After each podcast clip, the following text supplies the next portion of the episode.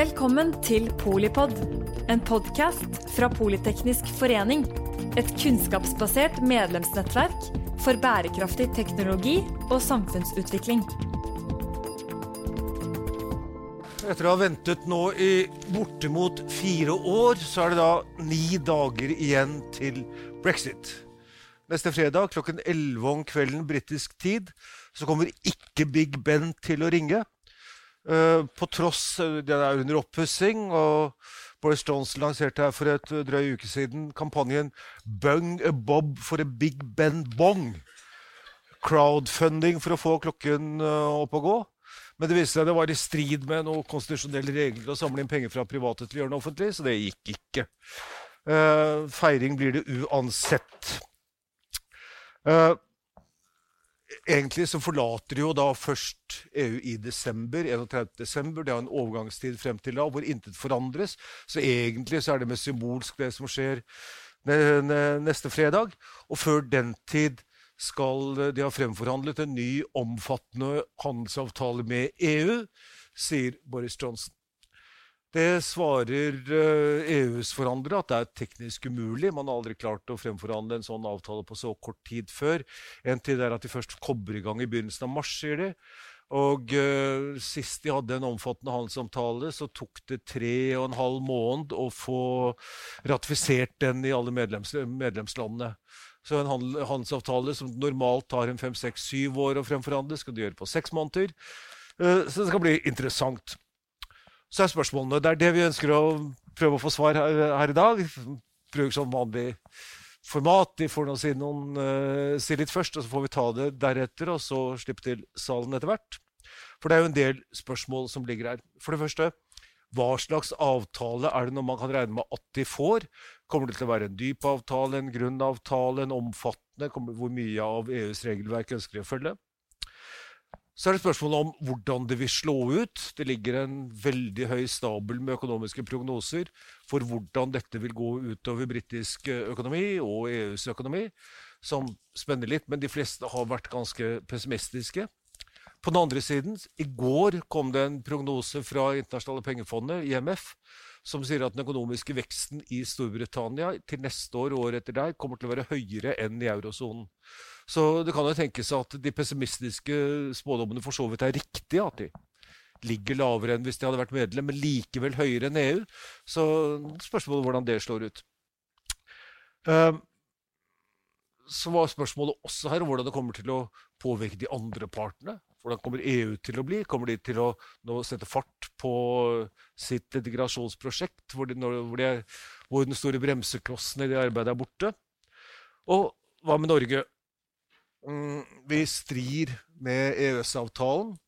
På den ene siden liker ikke deler av fagbevegelsen. På den andre siden kom Nav-historien, som uh, jo viste at dette er komplisert på mange måter.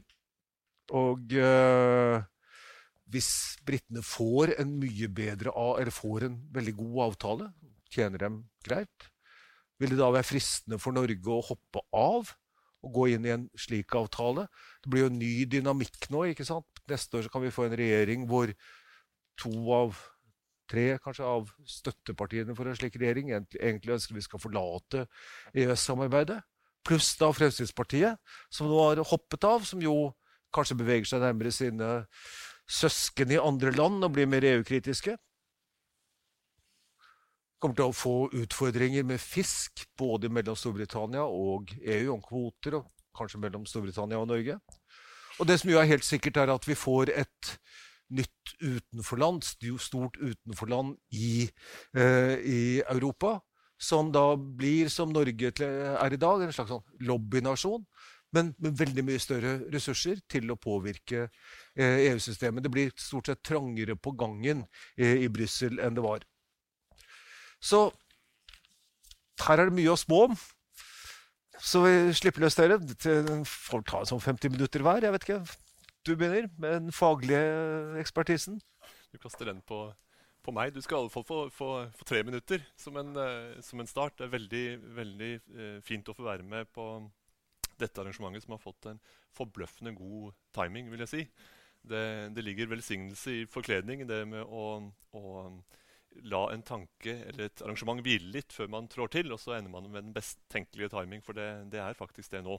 Ikke minst fordi jeg tror mange, mange har fulgt nokså intenst med på, på eh, brexit-debatten og prosessen gjennom et veldig begivenhetsrikt eh, 2019. Og så endte det med et slags klimaks og en avklaring tilsynelatende 12.12. I, i fjor med valget som ga et uh, så solid flertall for Boris Johnson og de konservative at alt nå syntes klart. I praksis er det veldig lite som er klart. Det man, eh, det man vet, eller det alle vet, er at, at, brexit trer i kraft. Men hva som skjuler seg bak sjablongen brexit, er fortsatt høyst, høyst uklart. Og det vil vi vite betydelig mer om ved dette årets slutt. Skjønt hvor mye vi egentlig vil vite da, også, eh, kan man også spørre seg om, om, om det vil komme i praksis enda flere utsettelser før, eh, før utmeldingen trer i kraft, det, det, gjenstår å se. Det skal iallfall bli en, en, et forferdelig eh, spetakkel av et forhandlingsår, det vi nå har gått inn i. Dersom det skal ende med en, en handelsavtale og et, en klarhet til å vri på bryteren når vi når nyttår. Det, der har de bevisbyrden på, på sin side. Men i dag så skal vi jo Um, vi skal jo kaste blikk på prosessen fra London, fra byen vi, vi beskuer bak oss. Og jeg tenkte litt på det. Hvis man skal se noe fra London, så er det mange perspektiver man kan ta. Man kan eh, lande i Westminster-palasset og se det fra den politiske elitens ståsted. Men er det noe brexit som fenomen har lært oss, så er det jo at det er jo ikke først og fremst den politiske eliten dette handler om. Det er jo en, en røst fra folkedypet på mange måter som har igangsatt det, det vi har fulgt med på de siste tre og et halvt årene. Det folket som talte 23.6.2016. Og hvem er så folket i London? Vel, vi kan jakte på den, eh, den lille mann på den londonske grasrot. Og jeg tror vi, man kan uh, jakte med stor forvirring blant ugras og markblomster i, i, Londons parker og fortsatt finne det vanskelig å spore en grasrot, en entydig grasrot i noen form. Den vanlige mann og kvinne i London kan være en uh, taxisjåfør fra Ecuador eller en, en polsk vindusvasker eller en fattig trebarnsmor på en av, av um, forstedene østover mot Themsens elvemunning. Det kan være så, så mangt. Eh, og London i seg selv innehar så mange av de spenningene som, som brexit har handlet om. Mellom eh, liten og stor, gamle og ung, høyt utdannet, lavt utdannet eh, osv. Det er et, et, et mangfold eh, sosialt, og det er et mangfold som, som lar seg gjenkjenne i den fundamentale splittelsen om brexit. Er dette noe man ønsker seg, eller noe man definitivt ikke ønsker seg? Hvis vi ser på, på kartet for um, hvordan stemmene fordelte seg uh, ved folkeavstemningen i 2016, så er London definert som en smultring. Londons bykjerne, og, og, ganske langt ut mot ytre by, faktisk, er dominert av Remain, altså med et uh, klart flertall for um, for fortsatt EU-medlemskap. Mens forstadene, både the, the, the, leafy suburbs sør og vest for byen, som handler om en, en litt sånn konservativ EU-skepsis, og forstedene øst for byen, som handler om en sosialt miserabel EU-skepsis, har landet på, på, på nei-siden, altså på, på liv-siden. Så byen er ja til EU, omlandet er nei til EU. Og så, så, så, handler det litt om hvor man trekker grensene for, um, for London by. Dere er også også kjent med at eh, flertallet i London som sådan var klart på Remain-siden overall. Så var det 60-40 i favør av, av, Remain. Og det vitner om en, en, en, by som er i fundamental utakt med sitt omland. På mange vis så er London et så annet sted politisk enn det England er. At det i seg selv er et veldig stort politisk problem i de årene vi går inn i. Det var veldig synlig i, i EU-avstemningen, hvor flertallet i England var, klar, var ikke klart, så var landet i alle fall på, på, på liv, altså på nei til EU. Mens, mens, London, i likhet med andre større byer, spesielt universitetsbyer, var klart på, på ja-siden.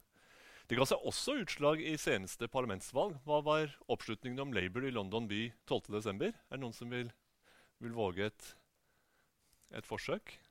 På landsbasis snakker, snakker vi altså om 32% I London 48% 48% om Jeremy Corbyns eh, noen vil si, eh, hodeløse forsøk på å, å bringe Labour til, til, makten, ga likevel støtte fra nesten én av to londonere. Milevis foran de konservative og, og øvrige, eh, øvrige, partier. Hvilket betyr at London, hvis man samler tallene, er en Remain-by. London er en Labour-by et godt stykke på vei. Og begge deler er fullstendig i utakt med tidsånden og med den retningen som Storbritannia vil ta de nærmeste årene. Og det vil gi spenninger. Og det, hvis, hvis man foruten økonomiske prediksjoner også er opptatt av de sosiale prediksjonene og, og utsiktene til hva man, man skal kalle det eh, eh, forsoning eller samhørighet, eller det å finne ut av ting eh, sammen, så har Eh, London en ganske særegen utfordring. Fordi bitterheten overfor brexit-kampanjen er stor på mange nivå i samfunnet.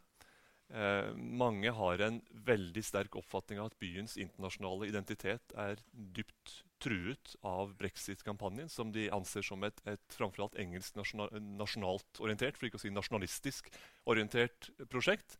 Og at hele den fleridentitet, blandet, blandede tilhørigheter, åpen by, mulighetenes by. Hele den, den, ehm, de stikkordene som knytter seg til London, og som gjør, for mange gjør London til en utrolig attraktiv by.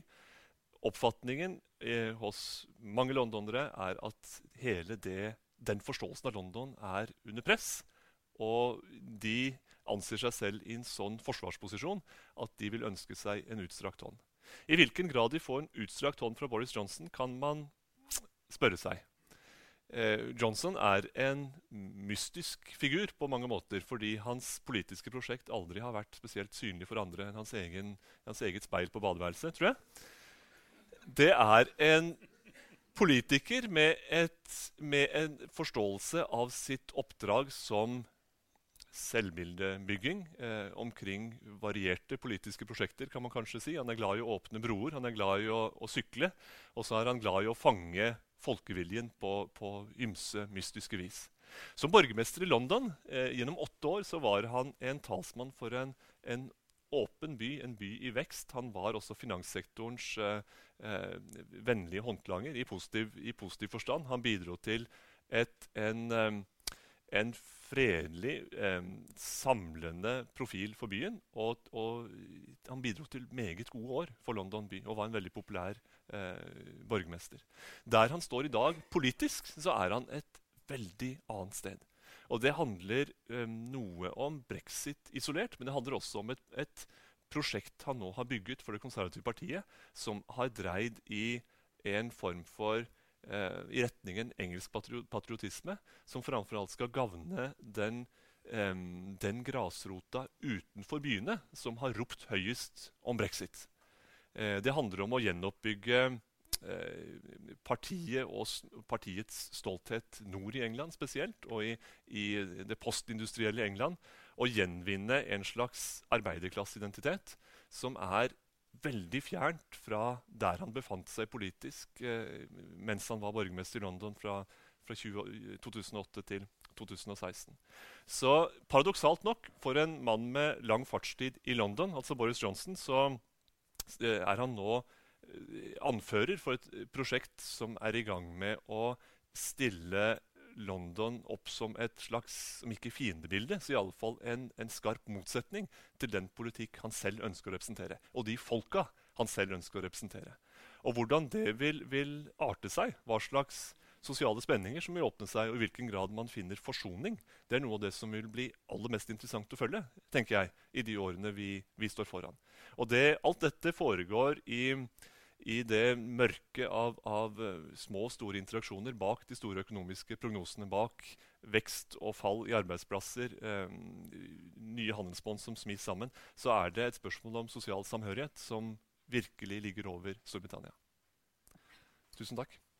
Ja, tusen takk. Eh, og jeg også vil si tusen takk for at jeg ble invitert hit. Det er et veldig spennende tema på et veldig spennende tidspunkt. Vi har et bakgrunnsbilde her med, med Westminster og London Eye. og jeg tenkte man kunne liksom ta London Eye som utgangspunkt for altså London sett fra London Eye. fordi da går det altså rundt og rundt og opp og ned. Eh, og, eh, og, og, det du jo gjerne gjør når du sitter i en sånn gondol Jeg vet ikke hvor mange som har tatt den, men dere har sikkert tatt noen andre. så du, du, er på tur rundt, men så skal du jo av en gang, og da håper du at den stopper sånn at du er liksom relativt nær utgangen og ikke ramler ned. Og da hadde nok Cameron sett at liksom en hyggelig, rolig tur rundt, og så ville man lande der man var. Eh, og så var det da mistet eh, maskinmannen kontroll, og så, og så har det surret rundt og stoppet mange ganger, men ikke slik man kunne gå av. Så Det er liksom litt der, uh, der, vi er nå. Nå skal man altså på en måte av på en endestasjon, men så skal man ta en ny runde til. Fordi det er egentlig nå man egentlig nå har man, det som skjer på neste fredag, er jo at man forlater EU og EØS, uh, men går inn i en overgangsfase hvor mange ting likevel er likt. Og så skal man forhandle hvordan det egentlig blir. Og man har noen, eh, noen grunnleggende parametere for det, men man har ikke svaret på det. Så, så som du sier, det blir, eh, det blir, litt av en karuselltur eh, det året som, som, kommer der. Så liksom litt, en litt inngang på dette er å, er å, tenke at det går veldig fort rundt i London Eye, og ingen vet helt hvor den stopper, og man, hvilken stasjon man er på da. Eh, så er jeg veldig enig i dette med samhørighet og samfunnskontrakten. Eh, fordi når du beskriver Bojos reise fra en vellykket eh, medlem av eliten i en kosmopolitisk storby til å bli talsmann for patriotisme og utkant og antielite, så minner det om en annen leder, eh, som også kom til makten i 2016, eh, nemlig Donald Trump, som har hatt litt den samme reisen. Og det som er felles for USA og Storbritannia. Det er mange forskjeller, men én ting som er felles, er at det er de to landene i Vesten eh, hvor ulikhetsveksten har vært sterkest. Hvor du i begge tilfeller har hatt betydelig økonomisk vekst. Veldig mange mennesker og mange miljøer, og særlig store byer, har lyktes i, eh, i konkurransen i det, i det, åpne globale markedet. Men mange har falt av på veien. Og det har også undergravet liksom, kjernen i, i, samfunnskontrakten. Altså By og land er ikke lenger hand i hand. Eh, og det er da slik at mange av de som eh, ikke er i byen, altså ikke er i London, eh, og ikke eh, på en eller annen måte har enten tilhørt finanseliten eller er en mer eller mindre vellykket innvandrer som har blitt brite og trives med det kosmopolitiske. Hvis du ikke er det, men du sitter på puben i Nord-Irland og er sur fordi kullgruvene er stengt og, og, og og han, eh, han, som jobber i butikken ved siden er polakk, eh, så vil du på en måte tilbake til noe du var. Altså Take Back Control er en britisk utgave av Make America Great Again. Vi ser bakover, og vi lover altså noe som var. Og Da har du fått en veldig underlig allianse mellom snobbete aristokrati og drømmen om eh, Empire Lost og, eh, og liksom det motsatte enden av skalaen. Eh, en gang i tiden så brydde myndighetene seg om meg. Nå har de glemt meg. Nå tenker de bare på alle andre. Og alle andre er stort sett alle, alle som ikke er hvite middelaldrende menn. Altså eh, damer, innvandrere, homser, utdannede. altså Alle som er annerledes enn sånn som jeg er. Jeg vil gjerne at landet styres av sånne som jeg ser ut igjen. Og da alt var mye bedre før. Eh, det er litt av det sosiale underlaget, og det er litt i forlengelsen av det du sier. Det er ganske alvorlig, og det er et varsel som alle bør ta på alvor. Hvis man tillater samfunnskontrakten å bli revet i stykker, så får du den type utslag. Det er en slags prediksjonskraft uh, i det, og det bør man altså man, kan, man kan se uh, med angst bort på hva som skjer i Storbritannia, men det er ikke så langt unna at det skjer også i andre land i Europa. Så er det også litt til EU i, i verden, EU i Europa. Så alle land vest for Hviterussland kan du egentlig frem til nå dele i, i fire hovedkategorier. Eh, alle har et nært forhold til EU.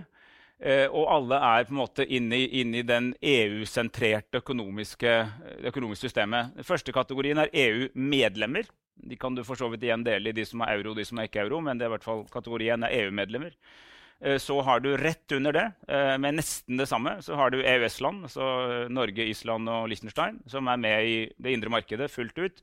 Som er med i Schengen, som er med i Dublin-avtalen, som er med i masse sikkerhetspolitisk og altså, altså politisikkerhetsmessig samarbeid. Massive avtaler. Verden, de mest omfattende avtaler vi og Island og Liechtenstein har med noen organisasjon, er selvfølgelig de vi har med EU.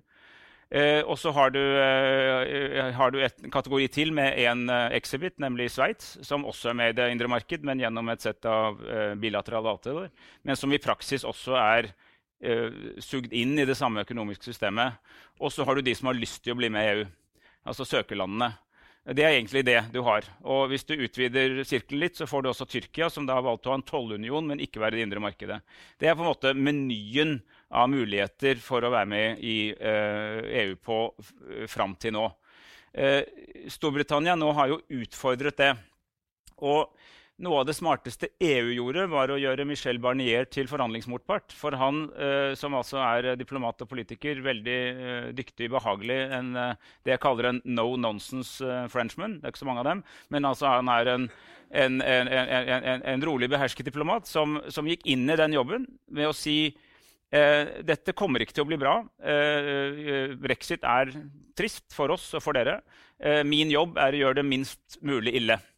Det var liksom en fornuftig og klok tilnærming. Og så fortalte han britene at uh, dere kan egentlig velge integrasjonsnivå. Kan, dere kan få bli medlem, ombestemme dere. Dere kan finne en type norsk type løsning. Kan, vi kan jo snakke om en eller annen variant av Sveits, ikke akkurat Sveits, for det var ikke så vellykket. Eller dere kan ha en frihandelsavtale à la Canada. Men veldig viktig budskap rettigheter og plikter må balanseres. Eh, han sa da med ettertrykk You cannot have Norway's rights with Canada's obligations. Så altså, enten har du Norway's rights with Norway's obligations, eller så har du Canada's rights with Canada's obligations. Det må være et, altså en trappetrinn. Uh, for oss som har holdt på med EØS i, snart, i 60 år og, og, kjenner både ups and downs med den tilknytningen, så lød jo det veldig logisk. Eh, altså Du velger hvor mye med du vil være, og det har da eh, konsekvenser på begge sider av ligningen.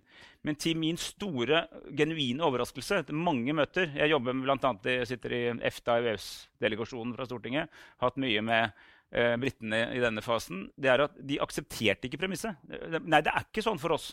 Eh, vi vil, gjerne, vi vil altså velge menyen av rettigheter og så vil vi velge menyen av plikter. og Hvorfor skal de henge sammen? Eh, det går nok bra. Og hvis disse liksom, eurokratene i Brussel sier at det ikke går bra, så drar vi til Paris og, og, og Berlin og, og, Roma, og sånn, og så overbeviste de andre store landene om at det går bra. Eh, og guess what? Det gikk ikke. Altså, klar melding nei, snakk med Barnier. Vi har andre ting å gjøre. Det er han som, Berlin var litt innom å prøve, men ble, ble uh, satt på plass. Og, og, og, til slutt så var altså beskjeden dere må velge. Det har britene først i det aller siste begynt å oppdage. Det er et kjempestort problem, uh, fordi, de har egentlig ikke svaret. Da brexit skjedde, som var sankthansaften 2016, så var vi mange av oss litt i sjokk. Og så tenkte vi at eh, men, men kloke eh, hoder vil jo etter hvert finne ut av det. Så om noen måneder så ser vi hvordan det går. Og så gikk det noen måneder, og det ble bare mer rundtur med London Eye. Og tenkte ja, I et år, da, liksom. Sånn, og, men før eller siden vil vi vite hvor det bærer. Men sannheten er at det vi vet, er nå, etter altså endelig bekreftet med valget i desember, og en massiv flertall til Boris Johnson, som jo om ikke annet har ett positivt budskap. Det er at det britiske folket Du kan ikke lenger si at de ikke visste hva de stemte for. Det mener jeg man kunne si i 2016. Men nå, de, nå, vet de det. Så når de da stemmer på Boris Johnson, da får du det du ber om. Eh, trist for store mindretall som ikke vil ha det, men, men, sånn er det. Så nå blir det brexit, og det blir altså slik at Norge går fra å være mindre integrert i EU enn Storbritannia til å være betydelig mer integrert. Det er et problem for oss. Fordi altså, vår, vår, største handelspartner og samarbeidspartner på omtrent alle felt, unntatt hardcore sikkerhetspolitikk, eh, men alle andre felt, er EU. Eh, eh, og, og, og, det er liksom 70-80 av vår uh, vare- og tjenestehandel skjer med EU. Men innenfor EU er det Storbritannia. Altså hvis du deler på enkeltland. Så det er liksom som en skilsmisse blant dine beste venner. Eh, et vennepar. ikke sant? Det første du har lyst til å si, er at kan ikke dere la være å skilles. hvis det var litt dårlig det. Men det går jo ikke alltid. Eh, så, så, så, vi, så har norske myndigheter, og det er med full støtte fra oss i opposisjonen, norske myndigheter har forhandlet det man kan for å få til overgangsløsninger og bli en del av det. Men vårt problem er jo på toppen av det problemet som Storbritannia og EU har, nemlig at vi kan ikke ordentlig komme i gang med å løse vårt langvarige forhold til Storbritannia før vi vet hva slags forhold de har til EU og derved EØS. Fordi vi har med rette og klokskap bestemt at vår førsteprioritet er integriteten i EØS. Og rett under det kommer da et godt forhold til Storbritannia. Det er et fornuftig og riktig valg fra norsk side. Så der, dette kommer til å prege også oss i, i, i, mange år fremover og blir på ingen måte, eh, på ingen måte enkelt. Siste jeg ville si helt innledningsvis, er at Boris Johnson, som jeg kjenner, er jo også en pragmatiker. Eh, og en mulig fordel, hvis det er det, eh, er at fordi han nå har så massivt flertall, så kan han også gjøre hva han vil. Så, altså, det, er, det, er, det, er, lite constraints igjen.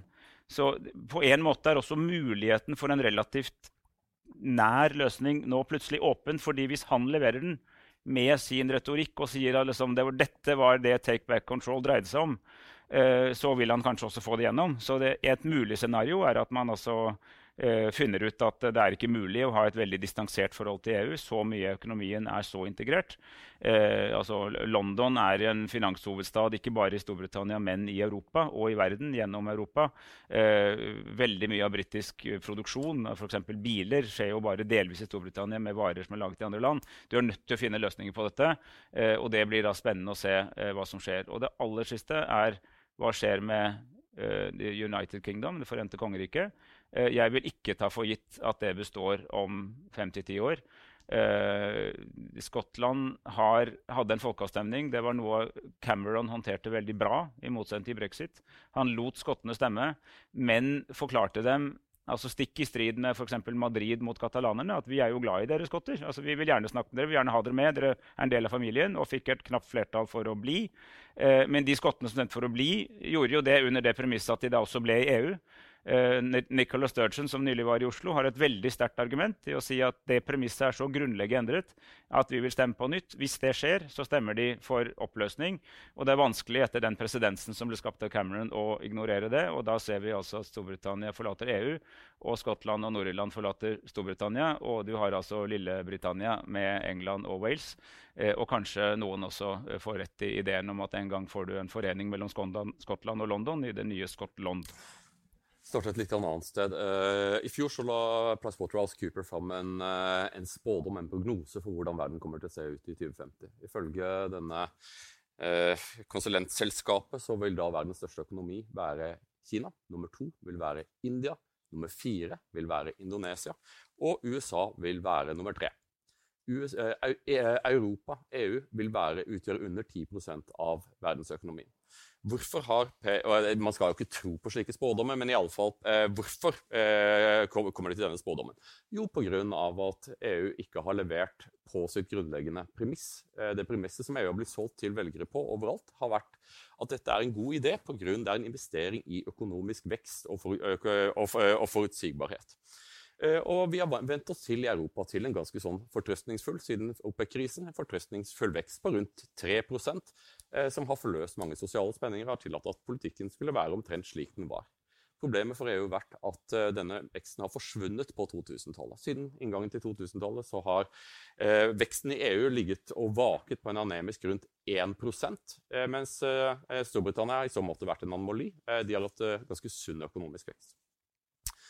Dette er bakgrunnen for at jeg tror at britene følte at de hadde tillit, selvtillit til å ta dette dramatiske valget. Det finnes ulike måter å se hva som, har, eh, hva som eh, overbeviste ulike velgere på. Eh, det kommer litt an på hvor du står, kommer litt an på hvor du sitter, og hvor du selv står i spørsmålet.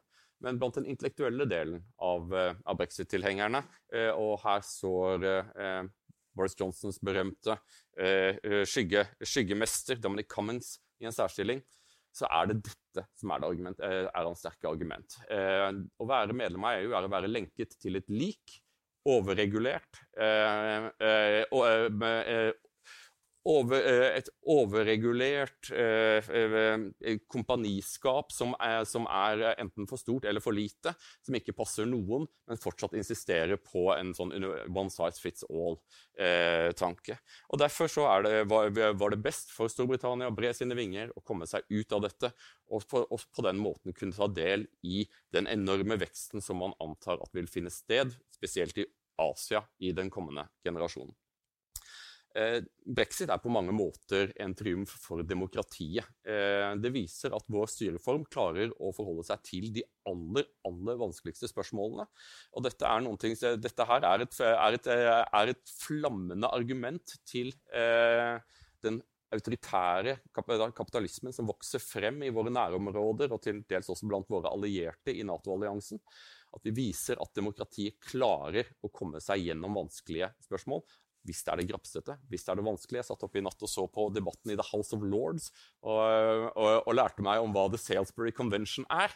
Eh, der eh, denne eh, brexit-avtalen ble sendt til Overhuset, og Overhuset bestemte seg for å sette fotnoter til dette. Og så tenkte jeg at ja, men dette blir jo et kjempeproblem. Men så viser det seg at britene i, sin, i, sin, i sitt vidsyn da har en, har en innforståelse av at House of Lords i, til, i tilfeller hvor man har en lov som er knyttet til valgløfter som er gjort eksplisitte i en valgkamp, så får de bare lov til å sette fotnoter én gang. Eh, dette ble pingponget da tilbake til parlamentet og tilbake til House of Lords, som, eh, som må erkjenne at eh, deres forsøk på å forme avtalen er eh, eh, ikke, ikke kom til å gå. Hva er spørsmålet nå? Vi, eh, da, etter avstemningen var det, var det grovt regnet tre ulike scenarioer vi kunne se for oss. Vi kunne se for oss et soft brexit, der man skulle ha fortsatt del av det indre marked, fortsatt del av tollunionen, og fortsatt under Europadomstolen, ECJs, eh, eh, virkefelt. Eh, så har du da the hard brexit, eh, som er at man eh, ikke er en del av noe av dette, og ender opp i en, en, handelsavtale som minner om, om den canadiske. Eh, og så har man et, eller annet, et ganske stort oppland imellom disse to, eh, som, eh, som, vi nå skal se Boris Johnson forsøke å definere. Britene ønsker å ha tilgang til det indre marked. De ønsker ikke å være en del av tollunionen, i alle fall ikke i forhold til de store fremadvoksende økonomiene. De vil gjerne kanskje EU eh, e har jo fremhandlet eh, over 50 frihandelsavtaler, og de fleste av disse tror jeg britene godt kunne tenke seg å være med på, men de vil gjerne stå fritt til å forhandle eh, med Kina, USA og Brasil, store økonomier, på egen hånd. Dette er jo vanskelig hvis man er del av, av tollunionen. Og så er det dette med ECJ, som, er, som, man har et spesielt hatforhold til i det britiske parlamentet. Her er det litt sånn annerledes i forhold til det de to talerne er enig i nesten allting som er blitt sagt, kanskje med unntak av dette med Skottland. Men i parlamentet så er det et spesielt hatforhold til ECJ. Og her er det, eh, Nå skal ikke jeg ta så, eh, eh, snakke fryktelig lenge, men noe av problemet med EU Og det er veldig mye pent å si om EU, men noe av problemet med EU er at i denne konstruksjonen så har ikke Kommisjonen eller Europarådet eller, nei, ikke, eller, eller Rådet eller parlamentet egentlig klart å spille rollen som retningsgivende. Og i denne situasjonen hvor EU ikke har, er, har, en tydelig regjering med fullmakt og mandat til å gi prosjektet retning, eh, så har eh, Europadomstolen spilt en veldig sentral rolle for å drive integrasjonsprosjektet framover mot denne formuleringen som man finner i, eh, i den grunnleggende traktaten om kull- og stålunionen, Ever Closer Union. Dette er noe som britene har veldig store problemer med. Dette var noe som Cameron ba om eh, før folkeavstemning at dette måtte ut av traktatgrunnlaget. Han mener at dette er en helvetes, helvetesmaskin som gir disse dommerne altfor mye makt. Eh, og saken er at allting henger sammen. Eh, så det å, eh, eh, hvis, du, hvis, du, ikke vil være under, under, domstolens fullmakt, så blir det vanskelig å være en del av det indre markedet. Og hvis du da ikke er en del av det indre markedet, så er du da bundet opp i, i, i, i tollunionen. Eh, og året som kommer, vil vise veldig mye eh, vil, fortelle oss mye om det er mulig å komme seg ut av EU eh, uten å gjøre stor skade på ens egen økonomi. For Norge er dette fryktelig interessant. Eh, det som våre politikere, eh, i alle fall de som er EU-skeptiske, ikke har villet fortelle oss, er det at eh, Norge var aldri store nok eller viktige nok til å kunne kreve eh, en, en, en, skreddersydd løsning fra EU. Den løsningen vi har, eh, prioriterer forutsigbarhet og, og, og, landets økonomi. Den har sin pris, spesielt eh, demokratisk, eh, men det var den beste dealen som kunne, som kunne bli fått dersom vi ønsket å være det vi har vært en liberal, åpen frihandelsøkonomi eh, preget, eh, preget, av eksport og forutsigbarhet. Eh, men det er litt annet som å stå eh, når man står på et, på et svaberg i, eh, om sommeren. Så ser du, og så, det, så står en gjeng, med, en gjeng, og så sier noen sier at 'kom igjen hopp', da. Og så sier noen det er altfor alt for grunt. Og så sier noen 'nei, det, det går bra'. Eh, og Norge er den som ikke hadde tenkt å hoppe først. Det er jeg glad for at vi er, eh, at vi er et land som ikke, eh, som ikke, gjør det. Eh, men nå gjør britene det for oss.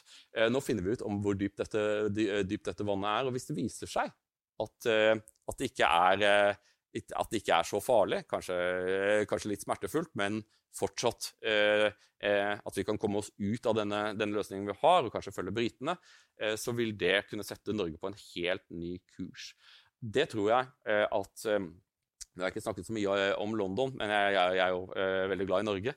Det tror jeg kan ta og skape en ny, en ny energi i EU-spørsmålet som Eh, som det har vært en forståelse på Stortinget blant alle partiene, kanskje med unntak av Senterpartiet, om at det er en debatt som vi ikke orker uh, å ta. Det er bare for, for mye støy, for mye splid på innsiden, og for lite sannsynlig at vi får noen ting som er bedre enn det vi har i dag. og Derfor har, har, vårt storting lagt dette til side.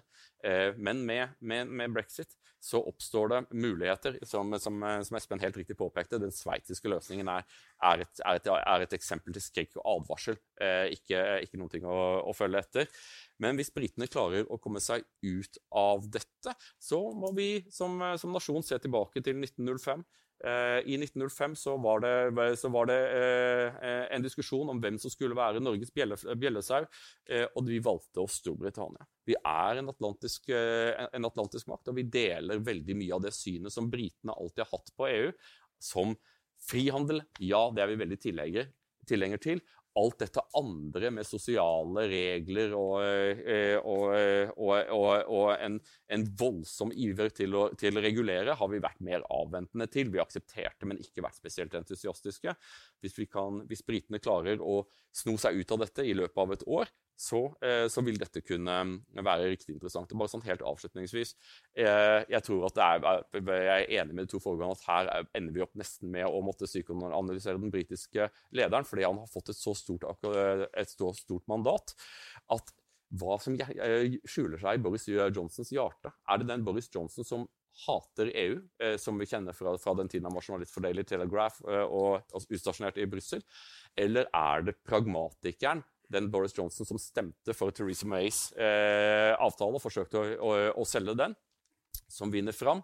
Eh, I alle fall så har han nå igjen da bundet seg opp med valgløfter og sagt at dette må finne sted i løpet av ett år. Noe som er høyst usannsynlig. EU eh, e er, de er høflige og sier at ja, ja, vi skal gjøre vårt beste, men det vil da være en verdensrekord for, for framforhandling av handelsavtaler handelsavtaler. Det går ganske enkelt ikke så raskt. Det er, fordi det er veldig kompliserte spørsmål. Og, og det er, som skal fremforhandles før man i det hele tatt begynner å snakke om ratifiseringsprosesser, som det er veldig vanskelig å sette en stoppeklokke på. Takk så mye. Takk. Et par spørsmål. Uh, ett på økonomi. Det ligger da som sagt en ganske stor stabel med analyser, og det er de tyngste økonomiene i verden. Det er de amerikanske store, uh, storbankene, IMF, uh, Verdensbanken, EU selv, som alle sammen sier at med den avtalen som nå tegner seg litt, altså en handelsavtale ikke for dyp, uh, Storbritannia utenfor det indre markedet, så snakker man her om i løpet av en 10-15 års periode en lavere økonomisk vekst for Storbritannia enn hvis de hadde vært medlem på mellom 5 og 8, opp til 10% var det, er det vel da eh, Bank of England som spådde. Hvilket vil si en sånn 60-70-80 milliarder pund mindre i skatteinntekter i året. Og Det er ganske tøft å ta inn. Spørsmål ene er dermed, Hvordan vil man svare på dette? her? Da er det to muligheter. Det ene er det som Rogoff foreslår, at du får en slags sånn krigskensianisme. At de låner penger og heller på og bygger opp infrastruktur i Storbritannia som de desperat trenger, og lager den typen økonomi. Men på den andre siden, i regjeringen, to av de tyngste postene som innenriksminister og utenriksminister, er skrevet av de som sammen skrev en bok for fem år siden som het Britannia Unchained, som da er eh, en sånn markedsliberale paradiset, hvor man kan kaste ut miljøreguleringer og arbeidsreguleringer uh, og alt dette her, og så frigjøre, poten frigjøre potensialet. Og det er klart, hvis inntektene blir mye lavere, så vil jo også kanskje også fristelsen til å gå, eh, til å gå den veien uh, være større. Så litt sånn i analysene av uh, Boris Sjelsliv, hvilken vei i himmelens navn kan dette gå? Det andre gjelder forholdet til, til Norge. Om vi da kan se en sånn ny union, at man rekonstituerer liksom de ytre ytre og de indre sirkelen i EU som du hadde med EFTA før, før Norge gikk inn. En av grunnene til at EØS-avtalen aldri ble det som Jacques Delors foreslo i første omgang på, på slutten av 80-tallet, var at da hadde du to relativt like, likeverdige blokker som skulle ha et balansert maktforhold. Så forsvant de andre og bestemte seg for å søke EU-medlemskap istedenfor. Og så fikk vi det. Men kan vi komme tilbake til det, eller er Norge og Storbritannias økonomiske interesse for, eksempel, for forskjellig. Det er klart Hvis vi skulle lage Singapore on Thames, så ville ikke det slå an så mye i den regjeringen du sannsynligvis kommer til å sitte i til neste år. Nei, det er riktig. Uh, men, det, men, jeg tror likevel det er den veien de velger. Fordi jeg tror at uh, når, når, du nå først har gjennomført dette, så har jo hovedargumentet vært var å bli unchained. Hvis du skulle ha et gjennomregulert sosialdemokrati, kunne du like godt blitt i EU. Uh, så når du nå først har gjort det, så tror jeg at liksom, eh, makrotrendene i det konservative partiet vil peke i retning mer av Singapore on Thames. Og det kan man jo for så vidt tjene litt på, fordi en sånn kraftig deregulert free trader ute på verdensmarkedene vil jo i og for seg også kunne bidra til noe mer vekst. Problemet er jo at det er en type vekst som undergraver grunnproblemet. Altså, da vil du i enda større grad få, uh, altså, du kan få BNP-vekst, men fortsatt økte forskjeller. Og, og, London vil likevel gjøre det bedre enn Nord-Irland. For det blir jo ikke sånn, det er ikke sånn at kullkraften gjenoppstår uh, bare fordi man er i brexit. Uh, så, så, så så, jeg tror det er den veien de velger, og jeg tror det vil liksom gjøre problemet uh, dypere. Men kanskje samtidig gjøre noen av de mest pessimistiske spådommene om BNP-fall til skamme. Det som er interessant, er, her, det, er, det er to visjoner av Storbritannia som står uh, opp imot hverandre i denne debatten, som sjelden artikuleres. Det ene, uh, og dette er da Torienes visjon, er Rule Britannia. Denne lille øya som kraftmobiliserer, som støter seg selv ut i verden og skaper verden. Og som bygger et imperium og som spiller en rolle som er helt disproporsjonalt. En slags britisk manifest destiny. Denne tanken om at dette fortsatt finnes i vårt DNA. Det andre bildet er, eh, er, er bildet av Storbritannia som er nær kollaps på 1970-tallet. Som, som, som, har stått utenfor europeisk samarbeid, ikke har fått dette til. Eh, og hvor, eh, hvor, man, hvor, hvor hele, hele samfunnsordenen er i ferd med å knekke sammen. Det er en, det er en vandrehistorie som forteller at i parlamentet så, så, det, så har man da kommet til punktet at man må et eller annet tidspunkt på 70-tallet må man gå til IMF og låne penger eh, som er jo en skam for et utviklet land, og be om bailouts fra IMF. Og så reiser det en parlamentariker seg og sier at «The world is now looking to Britain with the same surprise and disgust as it did when it saw the Romans turn into the Italians». Eh, er, er britene blitt italienerne til sin fordoms romere, eller er den romerske impulsen fortsatt der? Eh, jeg tror at dette her er en sånn eh, Litt som, som, Espen sa, at dette er et sånn tilbakeskuende eh, og, og, og, underlig måte å se det på. For dette, eh, eh fortiden kommer aldri tilbake. Storbritannia er hva det er. Eh, og eh, det som er sikkert, er at det vil være en kortsiktig smerte. Og så er spørsmålet om denne kortsiktige smerten vil følges av da eh, den erfaringen som britene gjorde seg før de ble medlem av EU, som var meget, meget negativ? Eller vil det være en, eh, en forløper til en fornyet vekst, hvor britene eh, eh, tar del i, eh, i bonanzaen som vi forventer i Asia, mens EU fortsetter eh, å, å, å, halte videre fra krisemøte til krisemøte, ledet av politikere som de færreste finner inspirerende, og som aldri klarer helt å levere på sitt Eh, på sitt store løfte. Dette er veldig interessante tråder å, å nøste i, for å si det, å si det mildt. Ehm, jeg tror man kan, I spørsmålet om hvilken retning Storbritannia vil ta, så er det eh, klokt å, forsøke å spole litt tilbake til selve folkeavstemningen. fordi man, man, har jo en form for mandat fra den folkeavstemningen. Så er det spørsmål om hvordan det mest kan, kan tolkes. Um, Britenes folkeavstemning om EU-medlemskap var som folkeavstemninger flest et spørsmål om svart mot hvitt, og så vinner den ene siden. Og så er det vanskelig med, med grå sjatteringer imellom. Selv om resultatet da er 52-48 eller 53-47, så er det flertallet som, som tar alt. Det er jo for seg britene godt vant med fra sitt politiske system, at flertallet, flertallet bestemmer uansett. Men i en befolkning så splittet, og hvor gapet mellom eh, meningene på hver side av kløfta har blitt større og dypere disse årene, så skulle man jo ønske seg en form for, um, for kompromiss. altså En evne å, å, finne en løsning på framtidig relasjon til EU som forsoner de to eh, sidene. Problemet da er at den eh, måten å komme begge sider i møte på vil ligne fælt på Norge. Som Asle er inne på, så er det en utenkelig løsning for Storbritannia fordi Storbritannia neppe kan tenkes å være den formen for stillfaren husmann som Norge har valgt å være overfor EU. Eh, Britene kan ikke være en, en, stillfaren husmann. De må i stedet svare på et, et ønske om å, om å, kjempe seg fri. Altså at brexit skal være en eller annen form for frigjøring. Selv hvis frigjøring skulle innebære en slags eh, økonomisk selvskading på, på kort sikt. Hvis dette skal gi mening, så må de, så må de på et vis bryte synlig med det som, det som, har vært. Hvis man skal ta alvorlig eh, flertallets ønske om, om, brexit.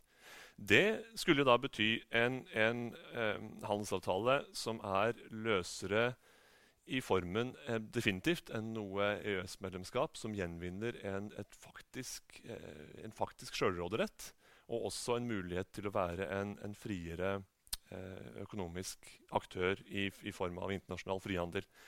Og Da er jo nissen på lasset at i det øyeblikk man har bestemt seg for å være en friere aktør i internasjonal frihandel, så følger det av det at man ikke lenger skal være et haleheng til, eh, til EU, verken frivillig eller ufrivillig. Og dersom man ikke skal være det, så må det en eller annen form for eh, deregulering til for å øke konkurransekraften og komme globale haier i møte, bli en del av, av haienes team istedenfor å, å lenke seg til EUs sosiale modell. Dermed så blir det nærmest sånn at uansett hva slags politiske preferanser britiske velgere måtte ha utover brexit, om de ønsker en sterk velferdsstat, en sterk eh, eh kontinentalt rettet eller skandinavisk rettet arbeidslivsmodell Selv hvis de skulle ønske det, så vil naturkreftene trekke de i retning en mer deregulert, markedsliberal eh, idé lignende den Britannia Unchained. I hvert fall er det slik det ser ut på, på papiret. Om Boris evner å gjøre noe med det, så, så, er det veldig imponerende. Men han står overfor et, et, veldig dilemma i hva han faktisk kan gjøre med brexit eh, når det gjelder Storbritannias økonomiske eh, rolle som aktør. Ja, veldig enig. Helt enig, og jeg tror det er veldig godt forklart. Jeg mener Det er en slags nærmest naturlov som driver i den retningen. Litt uavhengig av politisk preferanse på kort sikt. Det tror jeg er en av konsekvensene vi skal ta inn over oss. Eh, jeg skrev en artikkel i Guardian mens de holdt på å skulle stemme. Uh, som het 'We pay, but we have no say'. Uh, som var liksom the reality of Norway's relation to the EU. og Der forklarte jeg britene at EØS hadde fungert egentlig veldig fint. Den hadde gjort akkurat det vi ba den om, nemlig knyttet oss til indre markedet.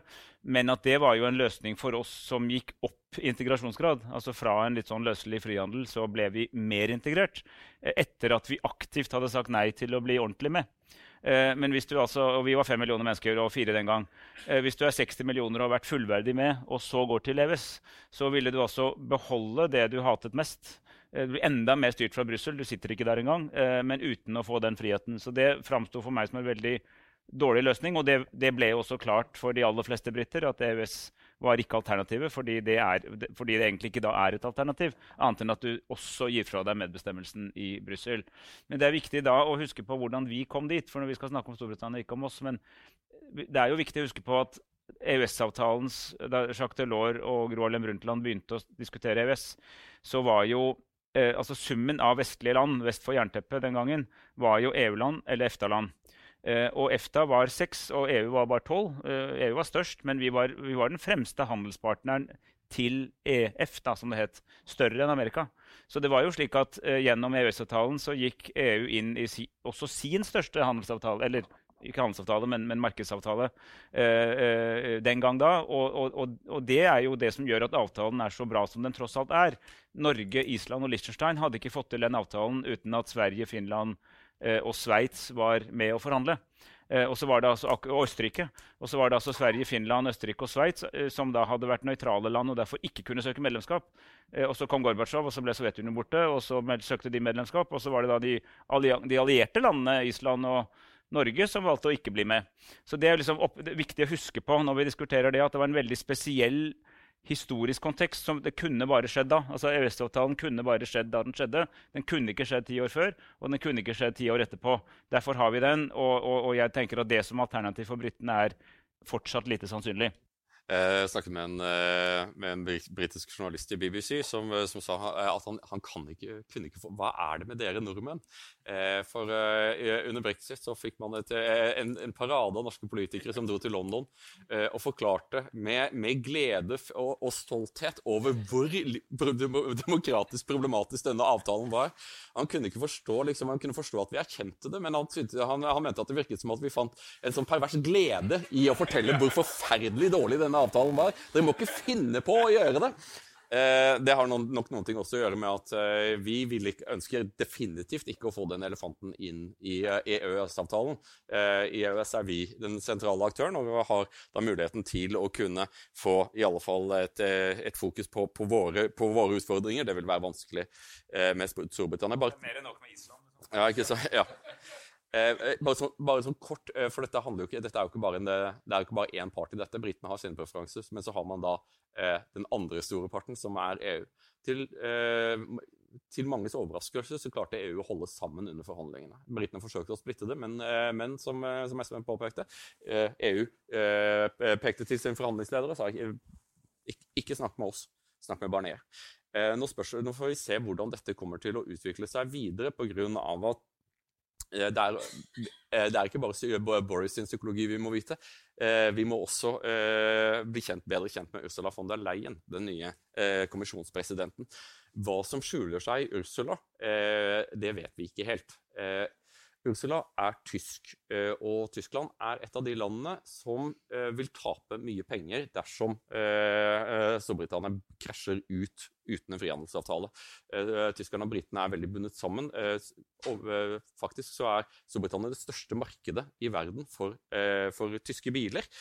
Og tyskerne har også mye industri som er bundet opp, spesielt innenfor bil, for bilindustrien. Og den tyske økonomien er slik nå at det ville være, ha en politisk, en eh, politisk pris å skade, eh, å skade bilindustrien akkurat nå. Eh, og spørsmålet er om, om, Ursula følger sine tyske impulser, eller om hun lytter til de franske impulsene. Og franskmennene har gjort det meget klart at de står rede til å straffe eh, britene på pungen, pengepungen Eh, dersom, dersom, de forsøker seg på å komme seg ut eh, og, og, tro at, eh, at, de vil få tilgang til det indre markedet og ikke ha, eh, og ha alle de pliktene som følger med. Eh, og Macron har, vært, har, hatt noen taler som har vært riktig stridige. Eh, og det minner meg, til, minner meg, om da jeg dro til England for å studere, så hadde jeg en, en, en veileder som hadde fortid i den britiske hæren, og så sa han, han sa at la det være helt klart at dersom Eh, vi fikk ordre om å gå til krig med Frankrike, så vil den britiske hæren ha ingen problemer med å gå til krig mot Frankrike i morgen. Pga. at det er, det er, eh, dette, dette, forholdet er også historisk konstituert. Det er en dyp mistro mellom disse landene. Eh, og hvis man, hvis man lytter til de gamle historiske impulsene, så kan dette bli faktisk riktig, riktig grapsete. Pga. det, det fransk nasjonalisme og britisk nasjonalisme er ikke, er ikke spesielt farlige eller skadelige, bortsett fra når den vedrører hverandre. Da kan den være riktig riktig fiendtlig og veldig veldig uspiselig. Eh, og det er noe som jeg tror eh, eh, Boris Johnson Eh, han, kan, han, kan, slå litt på den nasjonalistiske tromma av Great Britannia, men det er grenser for hvor langt han kan gå. Samtidig som at, eh, at relasjonen mellom Tyskland og Frankrike, eh, der Tyskland helt åpenbart ønsker å få dette her til å ordne seg på en eller annen måte som ikke blir altfor mye støy, og så går vi videre.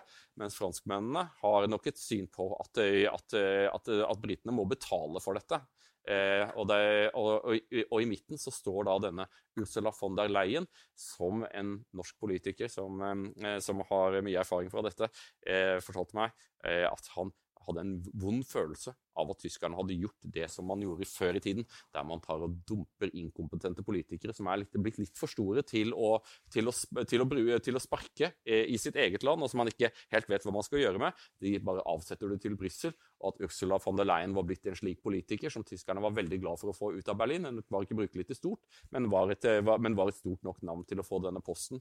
Mens andre hevder at hun er en formidabel politiker som, eh, som kan få til mye. Og det er noe vi kommer til å se i løpet av dette året, for jeg tror at kommisjonen vil komme i spill. Yes. Jeg lurer litt på de eh, eksterne kreftene som former dette her, altså som former det som skjer i, i, i Storbritannia fremover. Et av dem vil være klima. Det er liksom av de uh, known unknowns.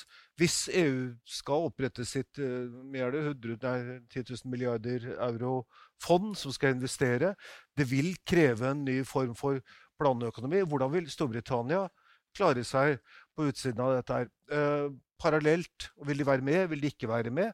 Uh, det har kommet litt forskjellige signaler fra de som sitter i den britiske regjeringen nå. Det andre er selvfølgelig USA. Gitt at Trump blir uh, gjenvalgt. De vil gjerne ha en verdens mest fantastiske handelsavtale med, med, Storbritannia, sier han. Men det forutsetter også en del ting. At de kan komme inn med landbruksprodukter, eventuelt inn i offentlig sektor og helsevesenet. Så kan vi se for oss et slags sånn verdenskart à la Orwells 1984, hvor Storbritannia er med i Oceania ja, sammen med USA på den ene siden og Europa på den andre. Vel bekomme.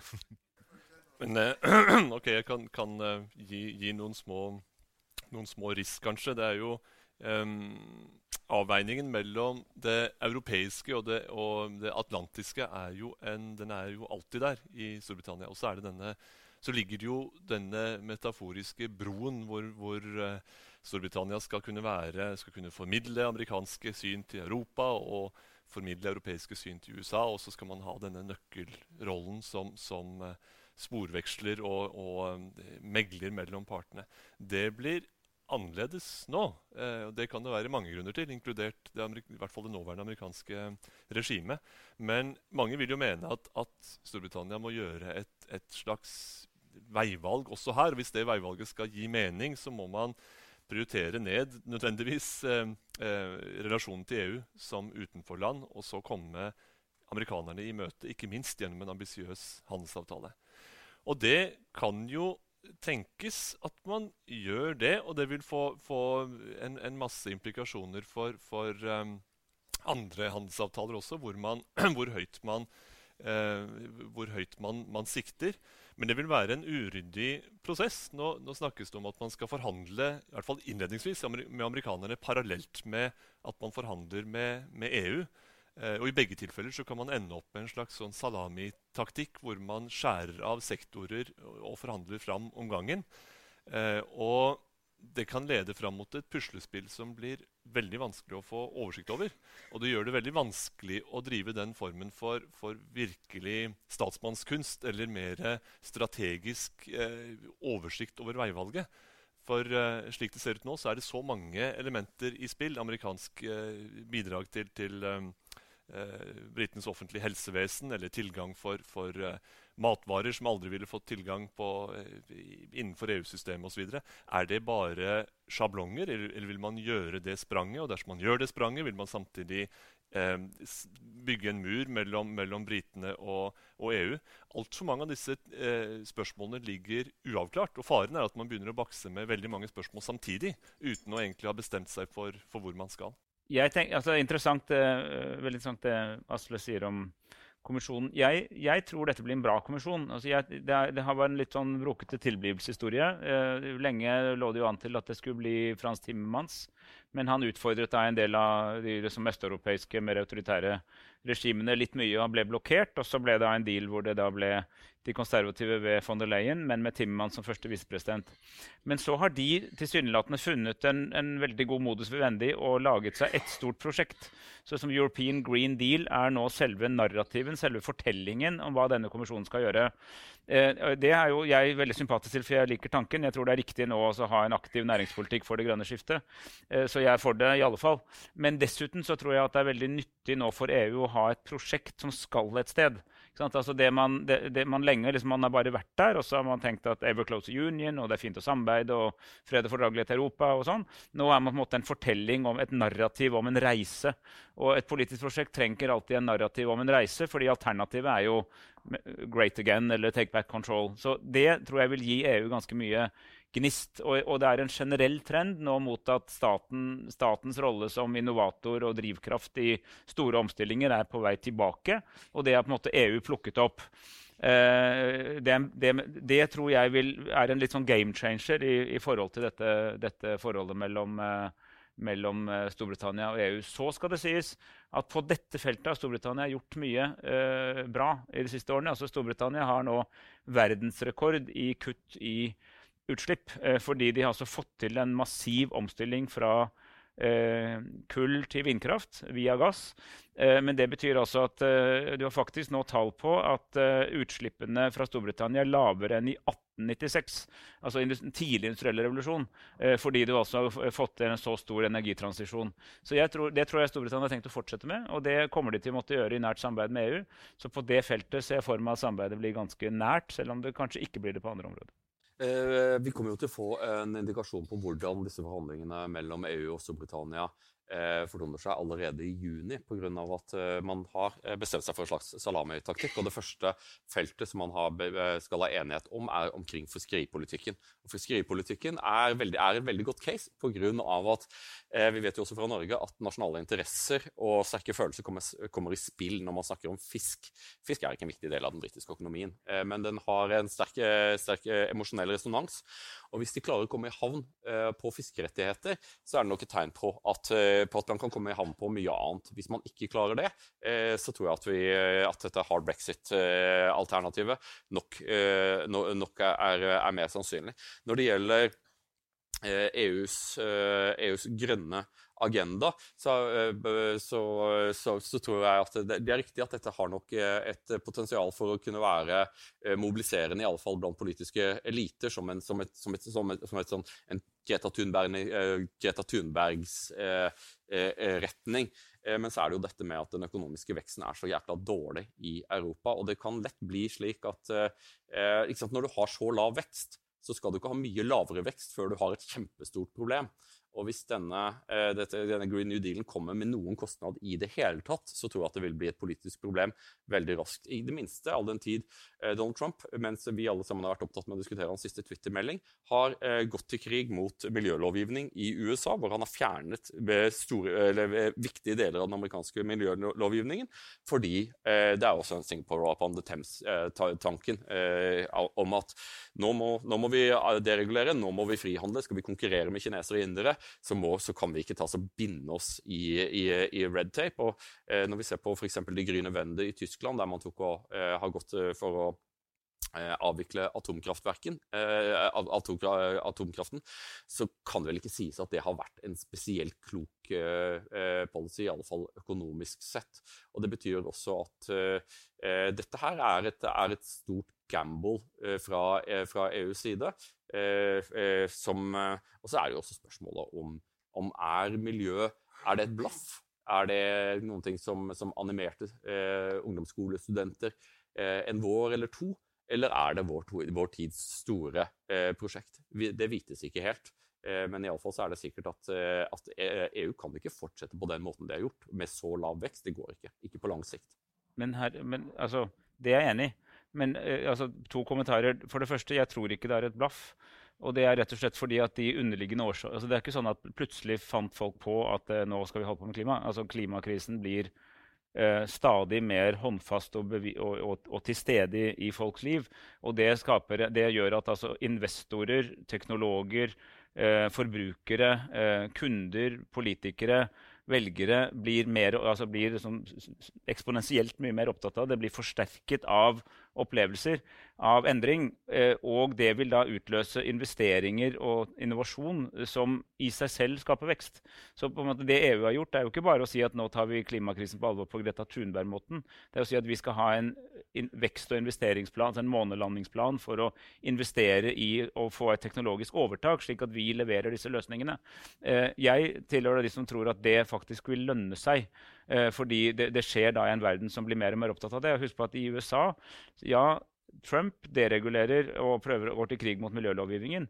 Men veldig mye av veksten skjer i stater som tar den på sterk alvor. Og, og, og det har vært en enorm utvikling i for fornybarandelen i amerikansk strømproduksjon. Ikke fordi det er politisk bestemt, men fordi det lønner seg. Og Texas er nå den største vindkraftlandet og eksporterer vindkraft til mange andre stater. Det er ikke fordi det sitter noen politikere i Texas som tror på klimaendringer. Det er rett og slett fordi at dette lønner seg i markedet allerede. Og det, og, og det har liksom EU skjønt. Så jeg tror at dette vil være en, uh, faktisk en vekstimpuls som trengs nå i en verden hvor du skal både opprettholde vekst, du må ta vare på natur og miljø, og du skal ha folk med. For du kan ikke bare ha en, en vekst som bare samtidig øker forskjellene. Og det tror jeg EU vil tjene på, og det er en game changer i forhold til Storbritannia, mener jeg. Eh, ja, Du nevnte månelanding, og der ser du kanskje noe av problemet. Er det potensielle problemet. Vi husker den norske månelandingen. Uh, og Her har du to ulike måter å se økonomi på. At, så, så vi, Norge, Storbritannia, vi er veldig tydelige i frihandels- og den liberale frihandelsleiren, der vi mener at økonomien har sin egen logikk, og den, den, den finner den beste vei selv. Eh, og så har du da en mer fransk dirigistemodell, der staten er, eh, er, den som er retningsgivende. Og hvis EU går inn på en mer sånn dirigiste, at, at sentralmakten skal bestemme hva, hvilken del av økonomien som skal vekse, vokse, så er det ekstremt mange skremmende eksempler på hvor, hvor feil det kan gå. Eh, og den, det utspiller seg jo i, i, i veldig stor versjon i tilfellet av den franske økonomien. Men, men bare, kan bare få en, altså, veldig mye av Amerikas nåværende teknologiske suksess er pga. at amerikanske statlige DARPA, forskning, forskningsprogrammet DARPA 50-60-70-tallet investerte massivt, bygde universiteter investerte massivt i, i, i uh, veldig avansert teknologi som førte til Internett og, og transistorer og, og, og, bioteknologiske fremskritt med i et veldig nært partnerskap mellom stat og marked. Og veldig mye av den litteraturen og dette nå sier at vi har mist, altså Det var jo en veldig markedsvennlig til, altså en, Det var en stat som elsket markedet, men som også ga en sterk impuls til hvor man skulle ha langsiktig innovasjon. Og veldig mye av litteraturen nå sier at det mangler vi nå. vekst, så nå har vi sett en vekst som er liksom kumulativt på toppen av teknologiske gjennombrudd. Men skal du ha store skifter, så må staten mer inn. Det er vi i utgangspunktet uenig i. Det, det, er helt legitimt. Men jeg bare, bare si at det er ikke liksom sånn at nå skal vi ha en sånn fransk politikk hvor man skal si at den fabrikken skal få leve, og den skal ikke. Det er å gi altså en vekstimpuls til økonomien. Noe av, av uh, dobbeltheten med, med europeisk integrasjon er jo at det er det er jo både ensretting og frihandel. Og det ene henger til dels uløselig sammen med det andre, vil mange hevde. At, at, man, at man, har en form for eh, både standardisering og eh, overnasjonalitet som et element i eh, det å bygge ned grenser mellom landene. Altså Det indre marked er nettopp kjennetegnet av både ensretting og, og, um, og, frihandel, begge prinsippene samtidig. Så ville nok britene ønsket seg en, en annen måte å gjøre det innrette det kompromisset på. Eh, men nettopp brexit-avstemningen er jo, et, et, eh, er jo nettopp en, en, oppløsning av måten disse prinsippene er bakt sammen på i EU. Ønsker man ikke fri bevegelse av arbeidskraft, for eksempel, så har man et problem med EUs modell for, for uh, å skape et felles uh, indre marked.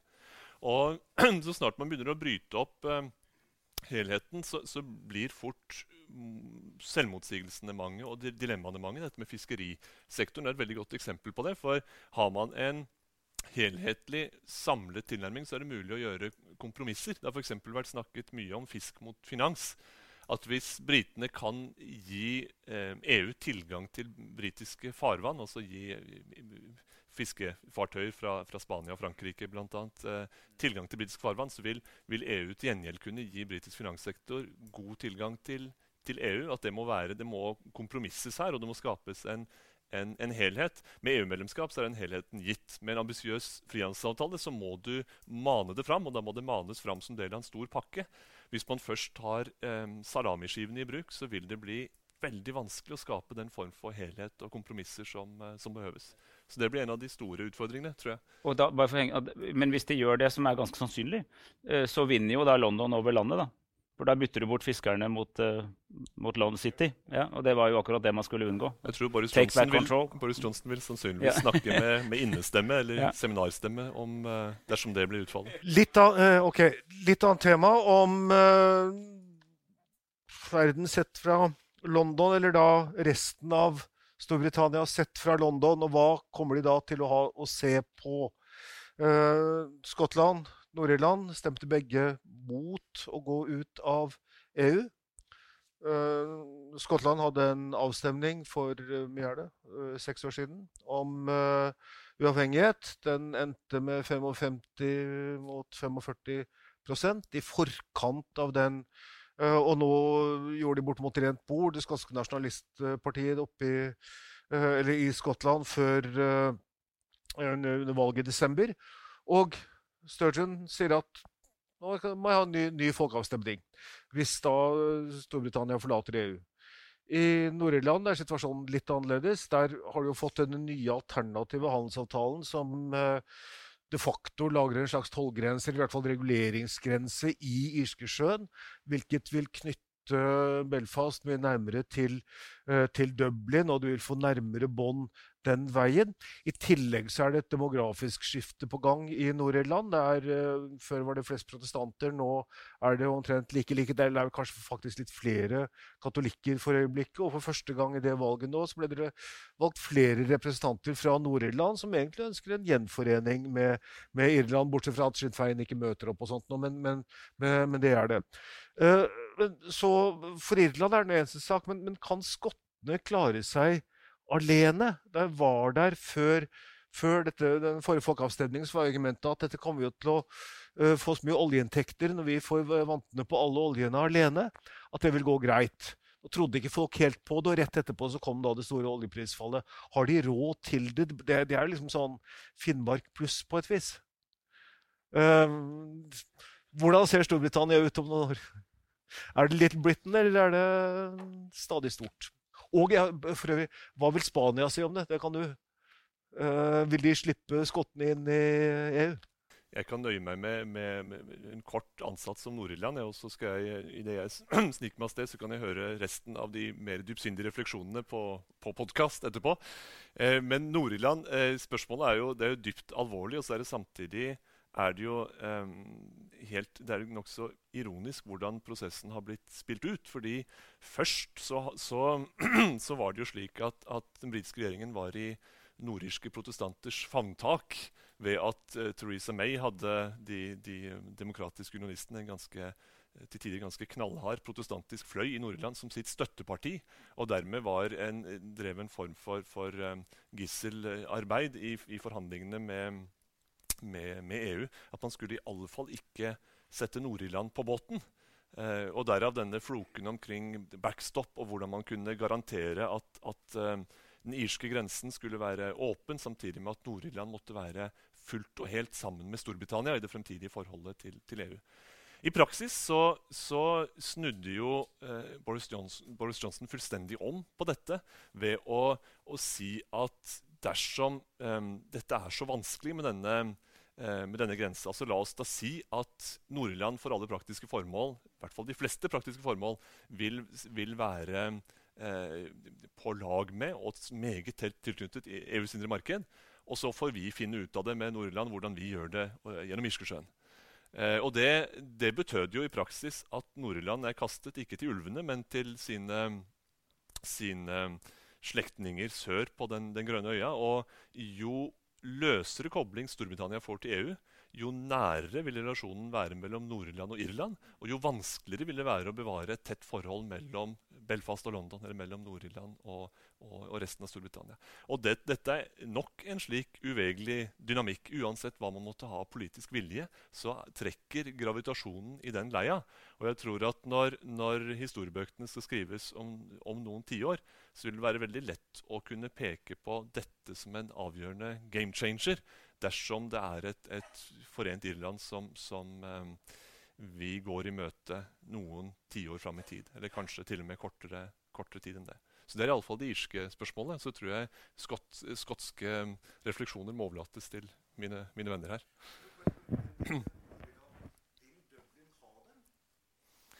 Her, Du refererer til Vest-Tysklands møte med, med, DDR. du. Denne, og Det er jo ikke en helt uh, urimelig analogi, fordi Nord-Irland er en, en stor uh, kostnadspost uh, i, de, i de, britiske statsbudsjettene. Det er, et, et, det er, en region med store sosiale utfordringer, store velferdskostnader, vanskelig næringspolitisk utgangspunkt.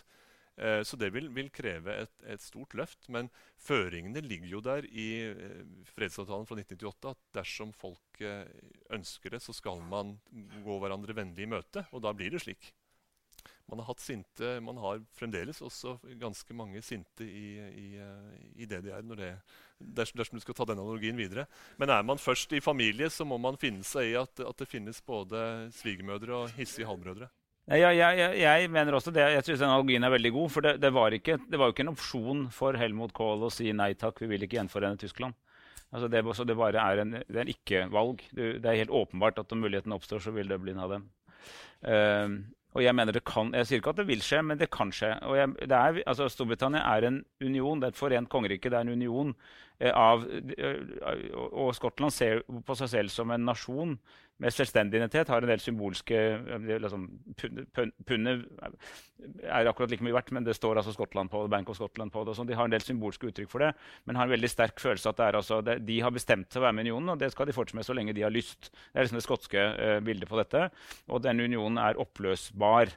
Eh, og så sier du et viktig spørsmål. Altså, hovedregelen er jo at Spania og mange andre land i EU vil være kategorisk mot enhver utbryterstat. Altså, det er liksom grunnregelen. Det vil man ikke ha, for det skaper presedens. Spørsmålet er jo da om brexit skaper en helt ekstremt unntak fra det igjen. Fordi det, var altså ikke skott, altså fordi det er stor sympati med Nord-Irland og Skottland i EU, for det var altså ikke deres skyld at britene forlot. Så det kunne bygges et argument i f.eks. Madrid om at unntaket Skottland kan tillates fordi de var allerede med, og så var det noen andre et annet sted som tvang dem ut. Eh, og at det er helt forskjellig. Det har ikke overhodet noen analogi til f.eks. Catalonia, som da melder seg ut av et EU-medlem Spania, hvis det hadde skjedd, som jeg ikke tror kommer til å skje. Eh, så det er i hvert fall mulig å tenke annerledes enn det som eh, tradisjonell tenkning skulle tilsi. Nord-Irland er bare et, et, fryktelig vanskelig case. På grunn av, man, når man, graver seg ned i disse avtalene, så, um, så er det jo slik at, uh, at Nord-Irland kommer til, for å unngå en såkalt hard grense, så kommer uh, Nord-Irland til å forbli en del av det, uh, indre, av det indre markedet, men hvor varer som da transporteres fra, fra den britiske eh, øya over til Nord-Irland, eh, må man da betale toll på, og så får man pengene tilbake hvis de ikke varene videreeksporteres til republikken, eh, til republikken Irland. Eh, og så er det denne, avtalen, denne, delen av avtalen skal da eh, kan oppløses eller videreføres ut ifra eh, viljen til det til det skotske parlamentet, men, nei, nei, til det nordiske parlamentet i Stormont. Eh, problemet er at det parlamentet har jo ikke vært fungerende på mange år nå. Eh, så det er, det er, det er grapsete. Eh, når, det gjelder, når, det gjelder, Skottland, så tror jeg at eh, drømmen, eller frykten for at Skottland skal forlate Storbritannia, er, er bare den er så siste spasmetrekning fra Project Fear. Jeg tror det er høyst usannsynlig at skottene kommer til å forlate stemme for å forlate Storbritannia. Jeg tror at Nicola Sturgeon er ute på, på, på, en veldig farlig vei, og det er, er der uro også i hennes eget parti om dette er en god idé, pga. at hvis du får hvis du taper en folkeavstemning to ganger, så er det over. Da kan de ikke be om det flere ganger. Og det er ganske nylig at de tapte. og den gangen så var det et, eh, et liberalt og veldig, eh, og veldig eh, mildt England og London som argumenterte for, for unionen med innestemme, og på en ganske sånn en ganske mild og vassen eh, kampanje som minnet ganske mye om det vi senere så med, eh, med brexit, der man appellerte til folks eh, økonomiske sans og intellekt, ja, fornuft og det hele. Mens skotsk nasjonalisme har ikke oppstått i et vakuum. Det har oppstått i, i en kontekst hvor britisk nasjonalisme ikke har blitt fremmet fra sentralmakten. britisk nasjonalisme ble, ble, ble, mindre og mindre populær gjennom, gjennom, gjennom spesielt 1990-tallet. Eh, og ga, ga, mulighet for en alternativ nasjonalisme.